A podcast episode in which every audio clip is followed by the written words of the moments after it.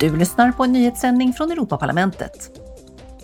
En delegation från Europaparlamentet deltar i FNs klimatkonferens COP27 i Egypten.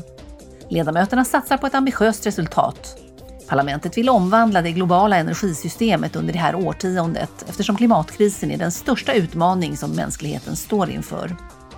Delegationens ordförande Bas Eickhout och kommissionens vice ordförande Frans Timmermans håller ett pressmöte på torsdag.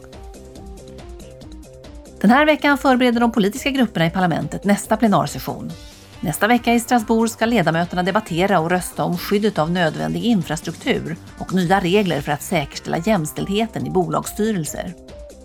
Ledamöterna förväntas också erkänna Ryssland som en stat som stöder terrorism och fokusera på förbindelserna med Kina.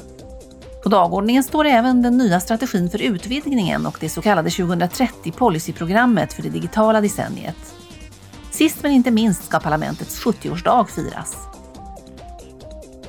Igår gjorde underutskottet för mänskliga rättigheter en bedömning av förhållandena för utländska arbetare i Qatar inför fotbolls-VM. Data har dubbelkollats av flera människorättsorganisationer och diplomatiska beskickningar i huvudstaden Doha. De antyder att tusentals utländska arbetare har dött på byggarbetsplatser eller som ett resultat av andra byggrelaterade aktiviteter i landet inför turneringen. Du har lyssnat på en nyhetssändning från Europaparlamentet.